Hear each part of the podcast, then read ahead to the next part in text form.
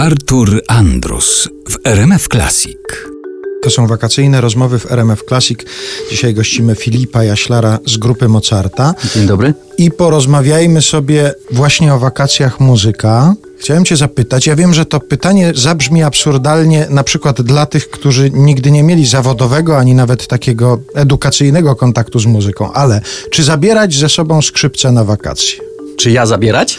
W ogóle. W ogóle? Czy byś radził naszym słuchaczom, żeby zabierali skrzypce na wakacje? Oczywiście, że tak. Im bardziej Państwo nie potrafią grać na skrzypcach, tym myślę, że bardziej należy zabrać instrument. Szanowni Państwo, dwie rzeczy są bardzo istotne, dla których warto wziąć skrzypce na wakacje, nawet jeżeli Państwo nie mieli nigdy kontaktu osobistego z muzyką, czyli nie, nie grali na, na skrzypcach. Po pierwsze, człowiek promenadujący po Międzyzdrojach, Juracie, Jastarni z futerałem od skrzypiec wzbudza bardzo ciepłe emocje. Wtedy jest łatwiejsze do zidentyfikowania, a to ten wrażliwy, No dobrze, ale czy po Bieszczadach to samo, takie Tak, emocje? zdecydowanie bardziej. I do tego w Bieszczadach jest jeszcze oryginalny, że nie ta prosta gitara, tylko ma skrzypce ze sobą. Od razu wiadomo, że to jest człowiek, który jest y, wrażliwy. Do tego, tak mi się wydaje, że osoba, zwłaszcza mężczyzna młody, który, który niesie skrzypce, mm, wzbudza takie matczyne uczucia u kobiet, że o, bidulek. No bo jak on z tymi skrzypcami przyjechał na wakacje, czyli, Czyli gdzieś tam wysupłał ćwiczyć. te, 15, te parę złotych, żeby, żeby przyjechać. No ale to wiadomo, że muzyk mógł, y, raczej ma problem z tym, żeby odłożyć pieniądze na wakacje, więc myślę, że to w takich relacjach nawet damsko-męskich może bardzo pomóc.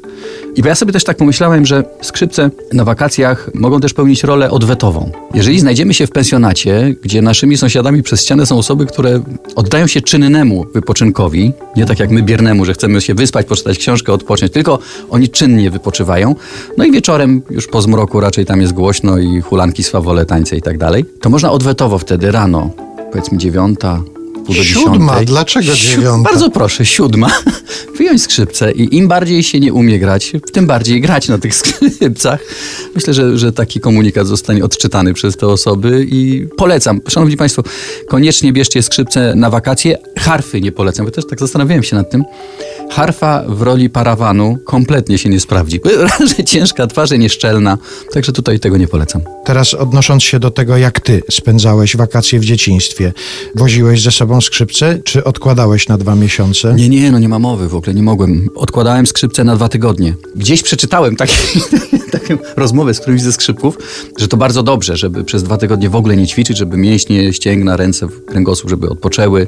I tego się trzymałem, przez dwa tygodnie nie ćwiczyłem, ale potem ćwiczyłem. I to jeszcze były takie czasy, kiedy, ja przepraszam wszystkich Państwa, którym zakłócałem możliwość wypoczynku. Głównie Ustka, dom y, pracy twórczej za X-u, Mickiewicza 9, tam zakłócałem, ale to głównie przyjaciele, znajomi rodziców, którzy to rozumieli, z którą sami mieli w większości dzieciaki, które na czymś tam muzykowały. Najtrudniejsze wakacje, dla mnie to były wakacje po ostatnim roku studiów. Jakoś się nie załapałem, żeby zagrać dyplom w czerwcu. Mój profesor y, powiedział, wiesz co Filip, a weź ty jeszcze poćwicz to we wrześniu zagrasz. I ja pojechałem do tej ustki z tymi skrzypcami. A to już nie było żartów, bo to nie tam, żeby utrzymywać się w formie, ale to trzeba było te, nie wiem, tam 45 minut tego koncertu Czajkowskiego, tych kaprysów Paganiniego, no grać po kilka razy miejsca, które nie wychodzą, zajmować się nimi przy tym upale, przy tych otwartych oknach.